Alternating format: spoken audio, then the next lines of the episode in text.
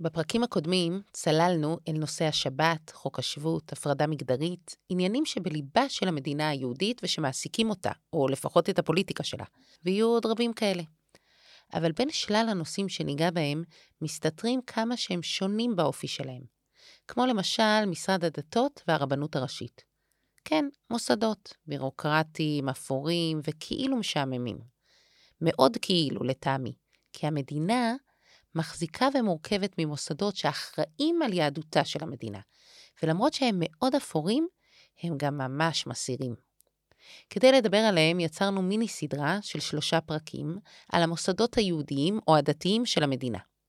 נתחיל מהקצה, מהמקום הקרוב ביותר לאזרח והמאוד פוליטי, משרד ממשלתי עם שר ושמו המשרד לשירותי דת, שמהר מאוד ייקח אותנו לדבר בפרק הבא על הרבנות הראשית, ומשם נטפס חזרה לשאלה הגדולה. מה זו בכלל מדינה יהודית? מה היא צריכה להיות? והאם היא בדרך להיות מדינת הלכה? מוכנים? פתיח ומתחילים. אתם מאזינים ל"במדינת היהודים", הפודקאסט של מכון שלום הרטמן. על יהדות, מדינה והמהפכה שעוד לא קרתה. עם תהילה פרידמן.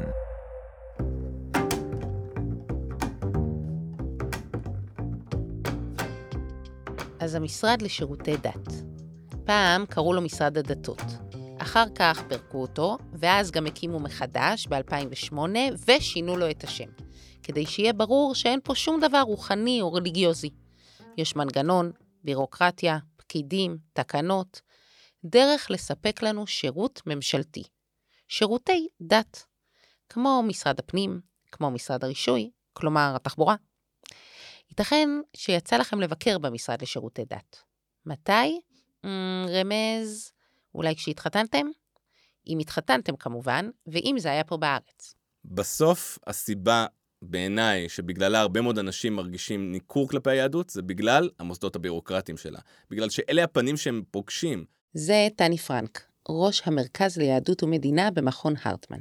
אני מגיע למועצה הדתית, יושב שם הפקיד, ואומר לי, אה, כן, בסדר, אתה, אני מכיר, יש משפחה וזה, נרים טלפון. אבל החבר שלי, שיש לו איזה מבטא קצת רוסי, כשהוא הגיע לשם, ישר הוא בגדר חשוד.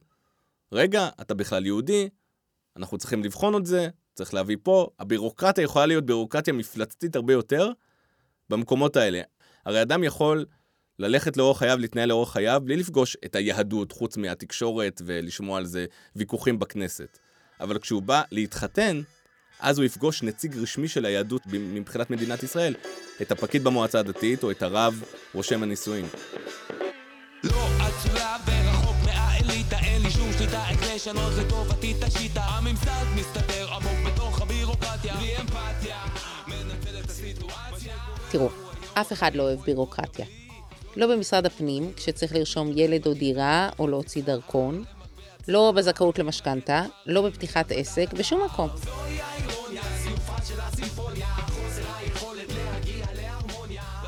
אבל אין באמת דרך לנהל מדינה בלי מוסדות, ואין מוסדות בלי בירוקרטיה. אז יכול להיות שהמילה הכואבת הזו שטני משתמש בה, ניכור, אולי בלתי נמנעת. אולי זה המחיר של מדינה יהודית שהקימה מנגנונים ומיסדה את החיים היהודיים. עדיף עם בירוקרטיה יהודית או בלעדיה? תנתקי את הרגע רגש, ותתארי לעצמך שאת לא מדברת על הרבנות, על מס הכנסה. על התנהלות של מס הכנסה או חברת חשמל. אין לך שם רגש, את יכולה להתנהל בצורה שקולה, הגיונית, בריאה. זה מה שמרגישה חברת הכנסת יוליה מלינובסקי ממפלגת ישראל ביתנו, שעמדה בראש ועדת הרפורמות, בין השאר הרפורמה בשירותי הדת. זה בדיוק מוסד ביורוקרטי כמו כל המוסדות המדינה. אוקיי, לא יהדות, לא ניכור, לא דת, מוצר. מערכת פונקציונלית שמטרתה לספק לי מוצר או שירות. אני חייבת להודות שאני לא מכירה הרבה מוצרים שמעוררים כזו רמה של רגשות, רצונות, אינטרסים, ועוד לא פגשתי רפורמה בדרך אספקת מוצרים שהפילה ממשלות. זה כזה סוגיה כלכלית, זה סוגיה של כוח, כיסא, השפעה, שליטה על הרבה מאוד דברים. למשל, את יודעת שיש לנו היום בעיה עם הרבני עיר, שחסרים 35 רבני עיר. אז שאלתי איך עיר מתפקדת בלי ראש, בלי רב עיר. זאת אומרת, מצד אחד בלמו שנים רבות מינויים קבועים בטענות כאלה ואחרות, מצד שני, מילאו את התפקידים האלה ממלאי מקום. זה פשוט נוח למפלגות מסוימות להחזיק את כולנו. זה קשור לדת? לא. זה קשור להלכה? לא. זה קשור לטובת הציבור? לא. זה קשור לטובת הציבור של מצביעים של אותן מפלגות? לא. כמו שאמרתי, זה באמת מחזיר אותנו לתחילת הפודקאסט, למפגש בין פוליטיקה ליהדות. ופוליטיקה, מה לעשות, היא גם, לא רק, אבל גם, מאבקי כוח. ומאבקי כוח מלאי רגשות שכאלו, סביב אותם מוסדות אפורים, מרגישים לפעמים כמו כניסה לזירת אגרוף. עד כאן, זה לא שונה משום פוליטיקה אחרת. אבל במקרה הזה, כך לפחות בראייה של מלינובסקי, לא מדובר בפוליטיקה רגילה, שהיא חלק הכרחי כנראה לחיי מדינה, אלא בפוליטיקה מגזרית. וזה כבר סיפור קצת אחר. כי בניגוד למשרד הפנים או לרשות המיסים, כאן יש שירות מדינתי, אפור ובירוקרטי, שאנו מחויבים על פי חוק ולא מבחירה לצרוך, ושאמור להיות ממלכתי וטכני. והוא הופך לליטרת בשר שכאילו רשומה בטאבו אצל המפלגות הדתיות, וסביבו מאבקי כוח פנימיים סופר יצריים של דתיים. ואז מגיעה אישה חילונית. השינוי יכול לבוא אך ורק מהבן אדם חילוני, שאין לו את הרגע שהוא רואה דברים בצורה יותר אובייקטיבית, ואין עליו את הרבנים, את העסקנים, את המקורבים, את המקורבים של מקורבים, שבעצם כל פעולה שלו יפגע להם בכסף. למשל, אם מישהו זוכר, דרעי נמנע בהצבעות על אוסלו, וזה אפשר לרבין להעביר את האוסלו. מה קיבל דרעי בתמורה? דרעי הוא הוא לא סתם ילד, הוא הכל שם מחושב, הוא קיבל את החוק על שהרבנות הראשית בעצם הגוף היחיד מוסמך להביא תעודות כשרות על בשר. שיבוא בשר לארץ, יכול להיות רק באישור של הרבנות הראשית, תעודת כשרות. אחר כך... מה הם... היה קודם? קודם היה איזושהי רשות שזה אה, לא היה מוסדר בצורה כזאת. היה רק בעצם יבוא בשר כשר, אבל לא רק רבנות היה יכולה לעשות בזה. אחר כך חוק הורחב ב-95, בשר ומוצריו. שאלת את עצמך פעם למה בארץ אין, אין נקניקיות מחו"ל, אין פסטרמות, אין שום דבר? זו התשובה. בשר ומוצריו. ואז זה מונופול. הגענו למצב שראש צוות שחיטה בחודש, על השחיטה מרוויח 30 אלף דולר בחודש. והמשכורת מינימום שם לבודק סכין זה 15 אלף דולר בחודש. כמובן, על פי נוהל הכל בסדר, כל יבואן יכול לבחור לעצמו ראש צוות שהוא רוצה, צוות שהוא רוצה, בפועל זה לא ככה, יש לי הוכחות, יש לי הקלטות, שיבואן ניגש לרבנות, הם מכתיבים לו, פלוני אלמוני ראש צוות, ככה הוא יקבל כסף. אנחנו רואים פשוט שזה פחות או יותר מאותה, מאותה משפחה פוליטית, הייתי אומרת את זה ככה. וכמה זה עולה לנו? רק עלות הכשרות על בשר זה בין אה, 10 ל-12 אחוז. כולנו יודעים כמה עולה בשר, 10-12 אחוז זה בעשרות שקלים בקילו. מה האבסורד פה? יש גופי כשרות בינלאומיים, מוכרים, ידועים, כבר שנים רבות. למה אתם לא, לא מסמיכים אותם? כי הרי אתם אוכלים שם בסבבה. אפילו הכי הכי הכי שומרי כשרות, הכי. לא. מה את חושבת שזה מטעמי ההלכה?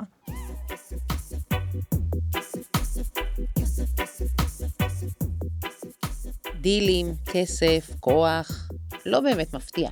אני אפילו לא בטוחה עד כמה זה חריג. במובן הזה, אם מלינובסקי צודקת, וזה אכן המצב. העובדה שהיא לא שייכת למגזר, ואין עליה את מנופי הלחץ הפנימיים שיש לקהילות ולמגזרים על חבריהם, באמת מעניקה לה יתרון ייחודי, ביכולת לוודא ששירותי הדת מתנהלים באופן יותר ממלכתי, יותר שקוף, יותר חוקי, ולא יהיו מין אקס-טריטוריה וצעצוע מגזרי מניב ג'ובים.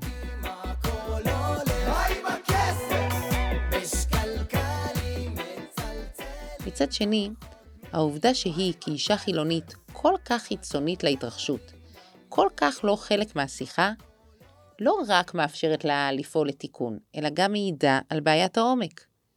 אם המשרד לשירותי דת אמור להיות חלק מהמימוש של היהדות של המדינה. הוא לא אמור להיות חצר המשחקים הסגורה של הדתיים. הוא לא אמור להיות ליטרת הבשר המחולקת וכלי הנשק במאבקים הפוליטיים מול משרדים ומפלגות אחרות. הוא אמור להיות זירת התמודדות עם אתגר משותף, אתגר המדינה היהודית, לא? בסוף אנחנו חוזרים תמיד לאותה נקודה. מיהו יהודי, מהי יהדות, ומי מחליט? מי מחליט מי יכול להיות יהודי? מי מחליט מהי היהדות ואיך אנחנו נלך, מה, מה החוקים של היהדות על פיהם בסוף האזרחים צריכים לפעול. כמו שאמרתי, זה נוגע לכולנו. אנחנו מדברים בעצם, למשל בחוק הכשרות, על שאלה מהותית שקובעת בעצם מי קובע מה, מה זה כשר, מה זה המילה כשר, מהי כשרות. רגע, רגע, כאן נדרש קצת הסבר סביב מאבקי הכוח האלו. על מה בעצם אנחנו מדברים כשאנחנו אומרים שירותי דת? שירותי הדת בסוף הם כל מה שאנחנו אה, צורכים אותם ומגדירים אותם כשירותים שאנחנו מקבלים בהם איזשהו מרכיב דתי בתוכם. אז אנחנו רגילים לדבר למשל על נושאים כמו נישואין וקבורה, משרד לשירותי דת הוא הרגולטור של כל נושא הקבורה בישראל. אלה לא נושאים דתיים, נכון שיש להם אספקט, מרכיב דתי, היהדות נותנת להם משקל מאוד משמעותי, אבל אנחנו הפכנו אותם להיות שירותי דת. נושאים כמו למשל כשרות, מקוואות, גיור אולי, אלה נושאים שהם באופן מובהק הרבה יותר דתיים, או שנועדו לספק, לאפשר לאנשים לחיות את חייהם הדתיים. אמ, אבל נישואין וגירושין וקבורה וסוגיות נוספות, הן לא בהכרח קשורות למרכיב דתי או אורח חיים דתי.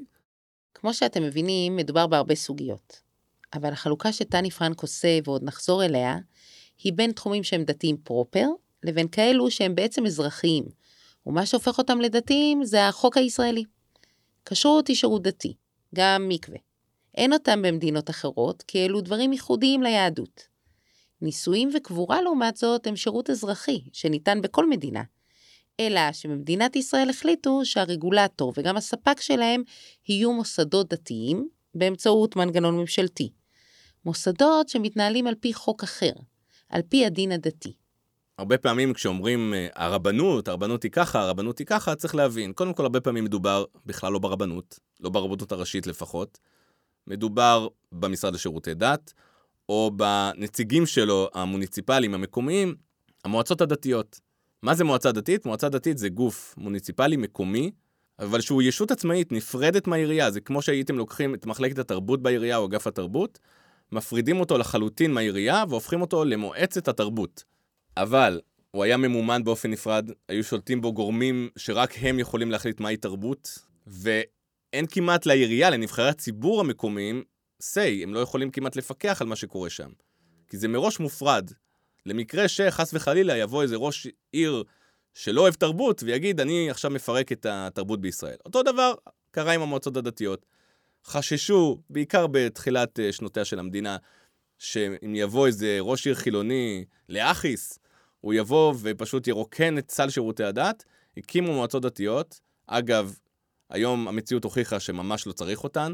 יש היום ערים שמתנהלות בלי מועצה דתית, יש 130 מועצות דתיות בארץ, אבל יש ערים מאוד גדולות, כולל ערים חרדיות, שמתנהלות ללא מועצה דתית, ושירותי הדת בהן מסופקים בצורה יפה מאוד, כמו מודיעין, כמו שוהם.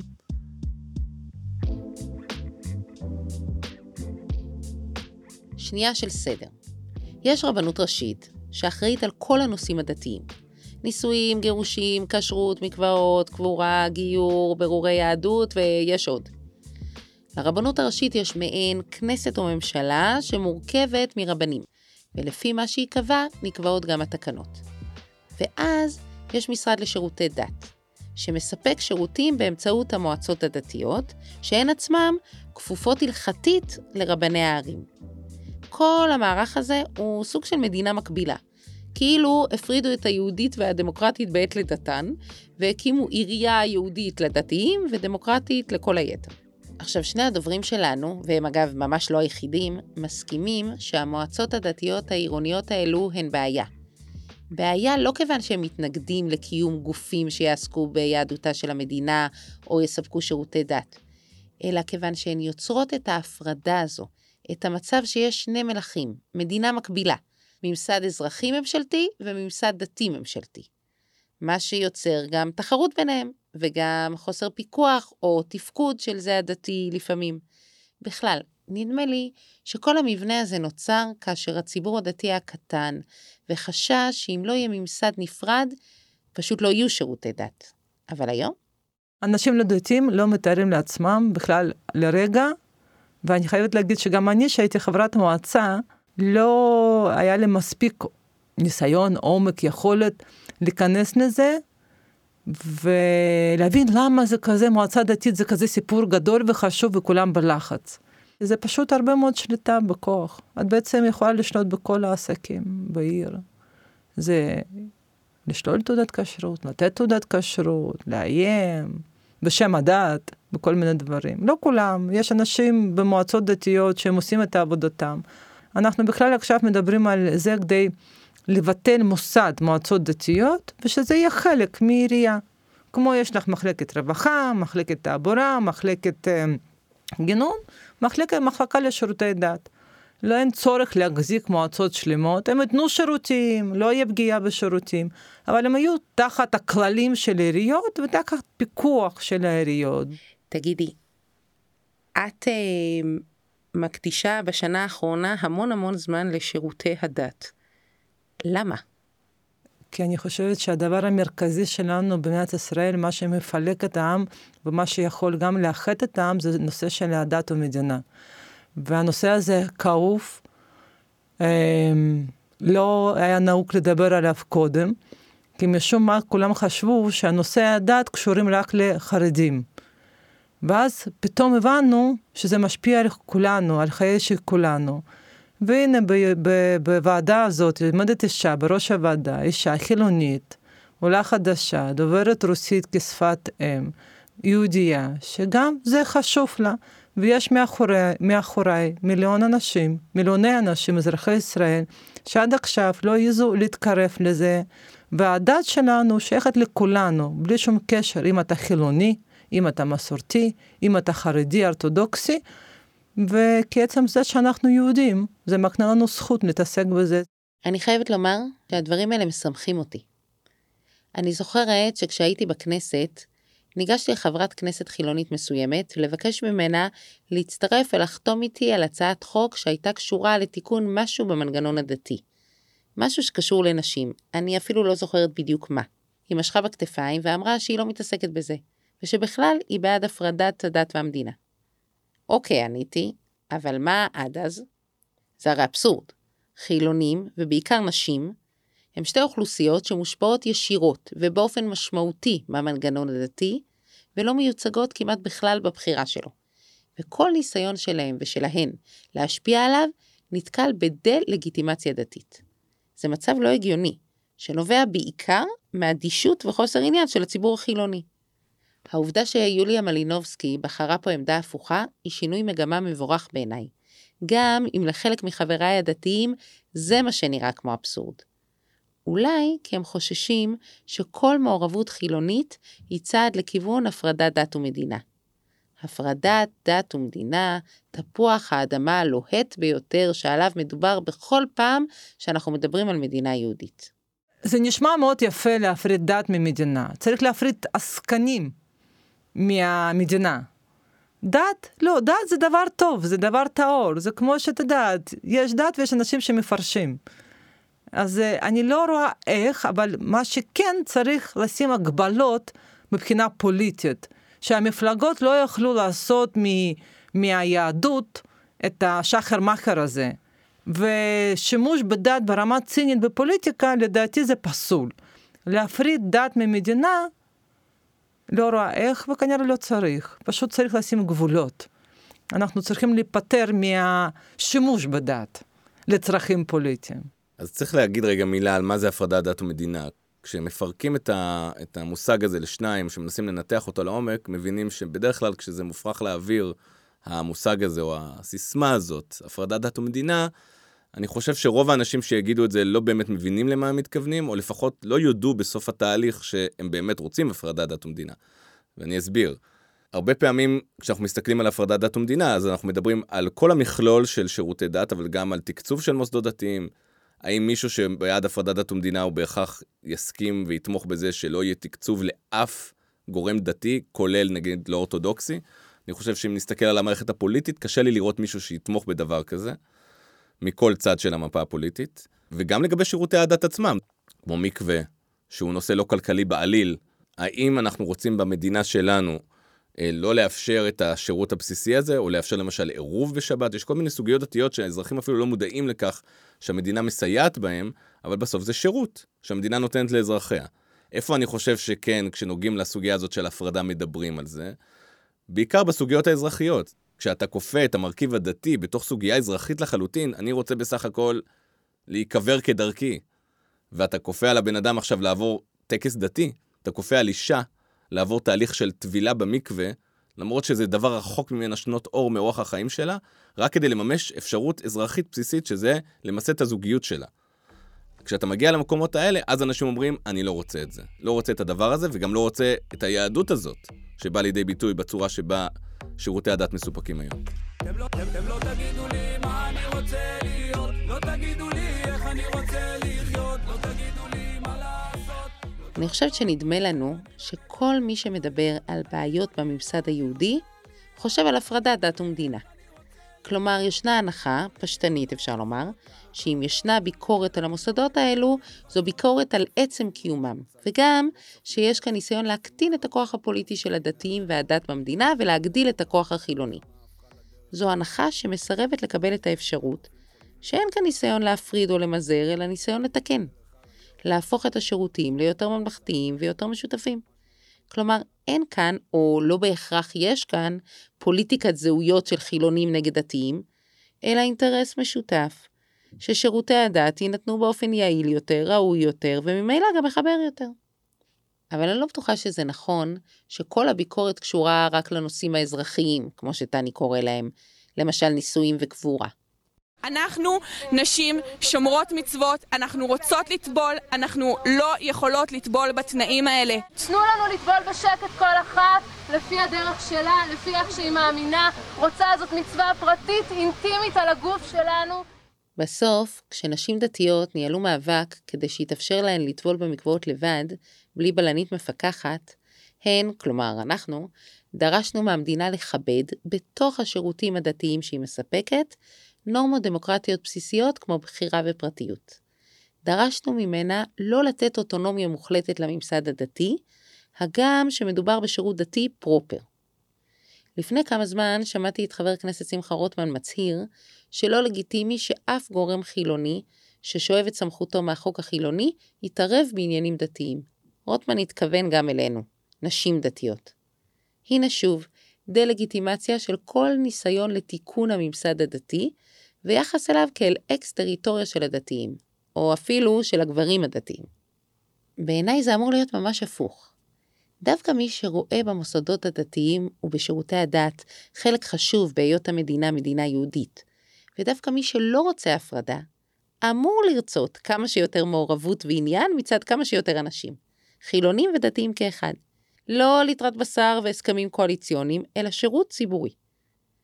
זה כמובן תיאור קצת אוטופי ומיתמם.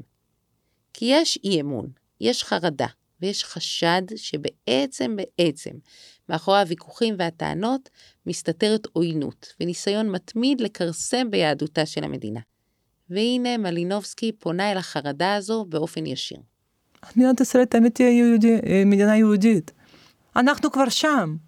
מה שאיים עלינו לפני ומה שיש, זה לא אותו דבר. אנחנו פה, אנחנו רוב, אנחנו עם, אנחנו מדינה, עם כל סימני המדינה. צאו מהגטו, הגטו הוא פה. לא צריך כל הזמן בדקויות לשמור ו- ולחפש בציציות. בוא, יש בו ציבור חילוני, שאת יודעת, בחגים עושה ברכה, נוסע, אוכל ארוחה ונוסע למועדון. תכבדו. לא רק ציבור דתי צריך לכבד, גם החילונים. יש רוב, יש בסיס, יש מה שנקרא, אני מאמינה 70 אחוז, שיכולים לחיות עם זה בשלום ובכיף. מה שירותי דת שבעינייך מדינה צריכה לספק? רישום נישואים, כן. קבורה, כן. מקוואות, למרות שאיך שמספקים אותם עכשיו עדיף שלא. כי מקוואות זה סיפור בפני עצמו, יש שם בעיות מאוד מאוד קשות עם חיידקים ועם כל זה. כשרות בסיסית, הנחיות. ניהול בסיסי, כן, אבל לתת לאנשים לבחור את החיים שלהם. זאת אומרת, לא להיכנס לכל אחד לצלחת ולהכתיב, כי בזמן האחרון זה הולך ליותר קיצוני. זאת אומרת, דברים בסיסיים ביותר, מה שמתאים לרוב ציבור ישראלי. חוץ מהרגעת החרדה של דתיים מפני חילונים, מלינובסקי פונה פה אל חרדה נוספת. היא חושבת שהרבה מהישראלים מרגישים שכל שינוי בהקשר הדתי מוריד את גבולות ההגנה של העם היהודי. והיא מבקשת להרגיע את החרדה הזו. דווקא היא, כמי שגדלה כבת למיעוט יהודי, פונה אל הרוב היהודי וחושבת שהוא יכול להירגע. התפיסה שלה מתנגשת כמובן באופן חזיתי עם התפיסה החרדית שלא רואה את ההבדל בין החיים בישראל לחיים בגלות, ומכילה על הציבור החילוני את אותו יחס שהתייחסו היהודים לגויים. הנקודה הזו, בין אם מסכימים עם מלינובסקי שלא צריך לחשוש משינויים, ובין אם חושבים שאסור לשנות, כן ממחישה את האבסורד שבשליטה החרדית בשירותי הדת והממסד הדתי המדינתי. הרי אם החילונים הם הגויים, ואם צריך להסתגר ולהישמר מפניהם, ואם המדינה היא הפריץ, מה הרלוונטיות של העמדה שלהם לשיח ולהחלטות הנוגעות לחברה הכללית וליהדותה של המדינה? הרי כל המערכת הדתית בנויה על ההנחה שמדינה יהודית זה צורך ורצון של החברה הישראלית הרחבה, וממילא גם שהשיחה עליה וגם ההחלטות לגביה צריכות להתקבל בהסכמה ישראלית רחבה. כזו שיוליה חושבת שהיא לגמרי אפשרית. אני חייבת להודות שהאופטימיות שלה לפחות מעוררת שאלות כשחושבים על מה שהתחולל כאן בשנה האחרונה סביב חוק הכשרות. חוק שממש לא נוגע באיזה ציפור נפש, ועוסק בהיבטים די טכניים של שירותי הדת. אני מציע לחברת הכנסת הזאת שנקנה לה כרטיס טיסה לאוקראינה, שתחזור לאוקראינה, ושם היא תעשה את הרפורמות שלה. קודם כל בנושא כשרות זה פתחנו. אם פעם עסק בירושלים היה צריך כשרות רק של מועצת הרבנות, אה, מועצת המועצה דתית ירושלים, היום הוא יכול לפנות ל... מטה יהודה. מטה יהודה, לצורך הדוגמה, כן. שחררנו, הרפורמת כשרות נכנסה לתוקף השנה כבר בזה שפתחנו גבולות גיאוגרפיות. זאת אומרת, יש כבר היום תנאי יהדות כבר כ-400-500 עסקים שכבר עשו את זה ושינו את הגוף המפקח. כי אחת הבעיות שלנו זה ריכוזיות. יש לך כמה צמתים, שבלי זה אין יבוא, אין מוצרים חדשים. אז את הרבנות פתחנו. היא, כמו גם החוק שעבר, רוצה להישאר עם המכנה המשותף. לחתור למכנה משותף רחב ולכמה שיותר יכולת לאכול אחד אצל השני וחוק אחד לכולם, אבל להחזיר אותו להסכמה רחבה באמת, ככה שכולנו נוכל להיכנס ולחיות תחתיו בנוח. ומה שרלוונטי בעיניה בכשרות, רלוונטי גם לרפורמה בגיור. צריך לשנות גישה. גישה לפי כללים, לפי הלכה, אבל מחבקת ומכבדת, ולא להתעלל בבני אדם. רק לאחרונה שמענו שרב ראשי פתאום החליט אפילו כבר אלו שעברו גיור, לא לחתום על תעודות. זה לא שחרון כוח? על סמך מה? תתארי לעצמך שפקיד משרד הפנים יחליט לא לחתום על תעודת נישואים שלך, ויעכב לך עכשיו לקבל מסמך הזה. יש מחיר לדבר הזה שהמדינה מספקת שירותי דת. המחיר הוא שהמדינה נכנסת לאזורים מאוד אינטימיים. המדינה מצד אחד מממנת לי מקווה, אחלה. מצד שני, היא גם נכנסת למקווה ואומרת לי, ברגע מאוד אינטימי, תעשי כך ולא תעשי אחרת. היה עדיף שהמדינה לא תהיה שם? בוודאי, אסור שהמדינה תהיה שם. בוא, בואי נגיד את זה רגע. המדינה לא צריכה להגיד לאף אדם, אישה, במקרה הזה הרבה פעמים, בשירותי הדת, איך להתנהל, בשום צורה. היא לא צריכה להגיד לזוג איך לנהל את טקס החתונה שלו בעיניי. היא לא צריכה להגיד לי שייך לטבול במקווה, היא לא צריכה להגיד לרב איך להכשיר את המטבח. אבל אם המדינה מממנת, היא גם אומרת. אז לא. אז אני טוען שלא. זאת אומרת, אנחנו יכולים לספק שירות שלא קובע מדיניות ספציפית הלכתית. אני חושב שכשעושים את זה נכון, כשנותנים פרספקטיבה ממקום שמכיל מגוון רחב של השקפות יהודיות, ולא עכשיו נופלים שוב לבירוקרטיה שהיא בסוף מובילה לריכוזיות, שמובילה לזה שהצד השמרן ביותר והקשוח ביותר מחליט עבור כולנו מהי היהדות, אז אנחנו גם יכולים לחזור לחיבור הזה הנכון בין יהדות ומדינה.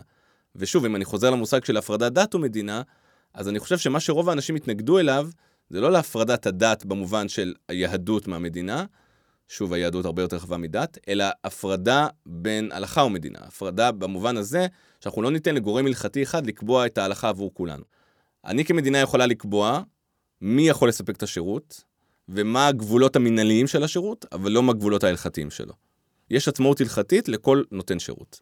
וכשמדברים על הזהות היהודית של מדינת ישראל, צריך לשמור עליה, בסוף אלה הזהות היהודית של כל אחד ואחת מאיתנו.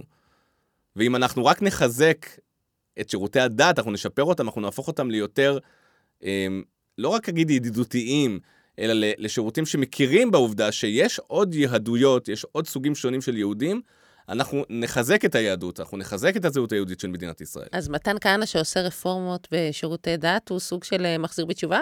כעירוב? אני חושב שצריך לאפשר לאנשים לחיות את חייהם. אין בזה בעיניי שום מרכיב של החזרה בתשובה. וכן, אם מישהו ירגיש קצת יותר קרוב ליהדות שלו, מבחינתי, רווח נקי של כולנו. אנחנו מאפשרים, אנחנו לא כופים. וזה בדיוק ההבדל בין המצב הקיים שבו אנשים מרגישים שהיהדות נכפית עליהם, לכך שהיהדות תהיה הבחירה שלהם.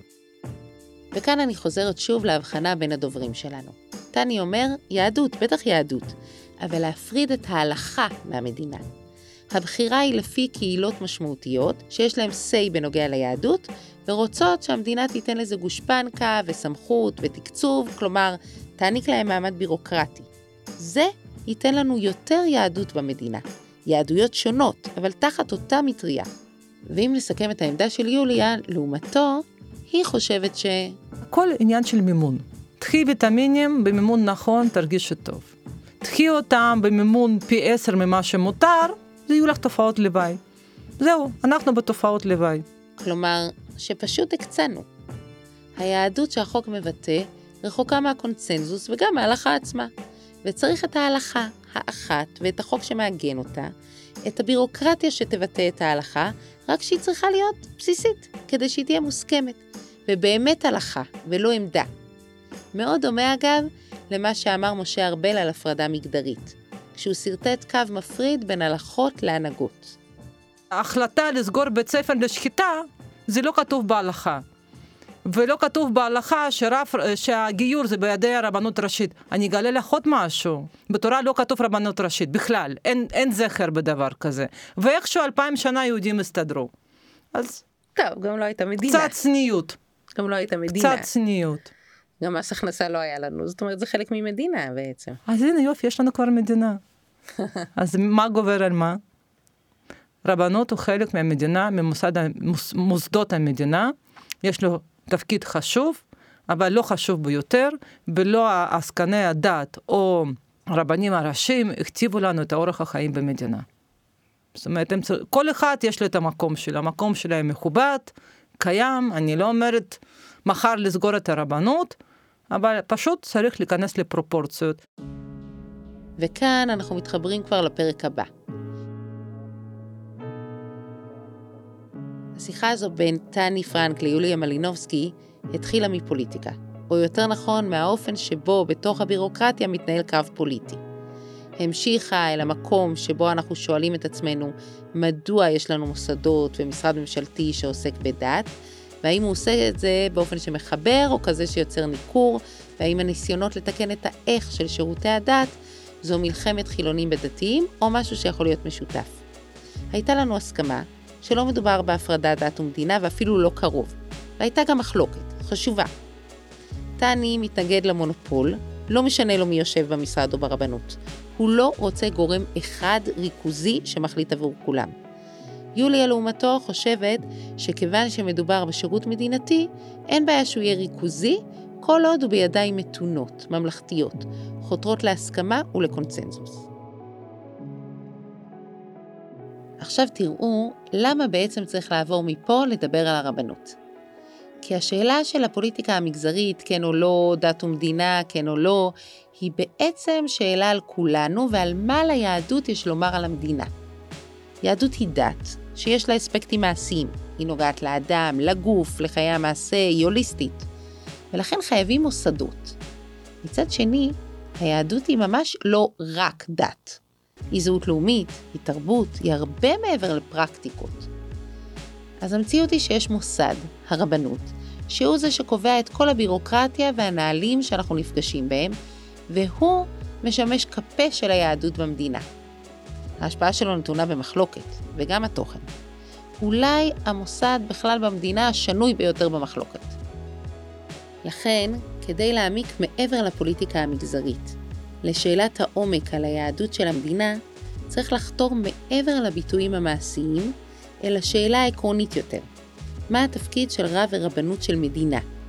והאם זה באמת הביטוי האולטימטיבי ליהדות של מדינה? תודה שהאזנתן והאזנתם לעוד פרק של במדינת היהודים, פודקאסט מבית מכון הרטמן על ריבונות, יהדות והמהפכה שעוד לא קרתה. הפודקאסט הופק על ידי המחלקה הדיגיטלית של מכון הרטמן, בהובלת יואב פרידמן ודוקטור אורית אבנרי, ובשיתוף עם טני פרנק וטל רוזנר מהמרכז ליהדות ומדינה במכון. עורך הסאונד הוא תמיר קליין, במאי ועורך ראשי עמרי בן דור. אני תהילה פרידמן, מוזמנים להצטרף אליי לפרקים הבאים בכל יישום שבו אתם מאזינים להסכתים האהובים עליכם.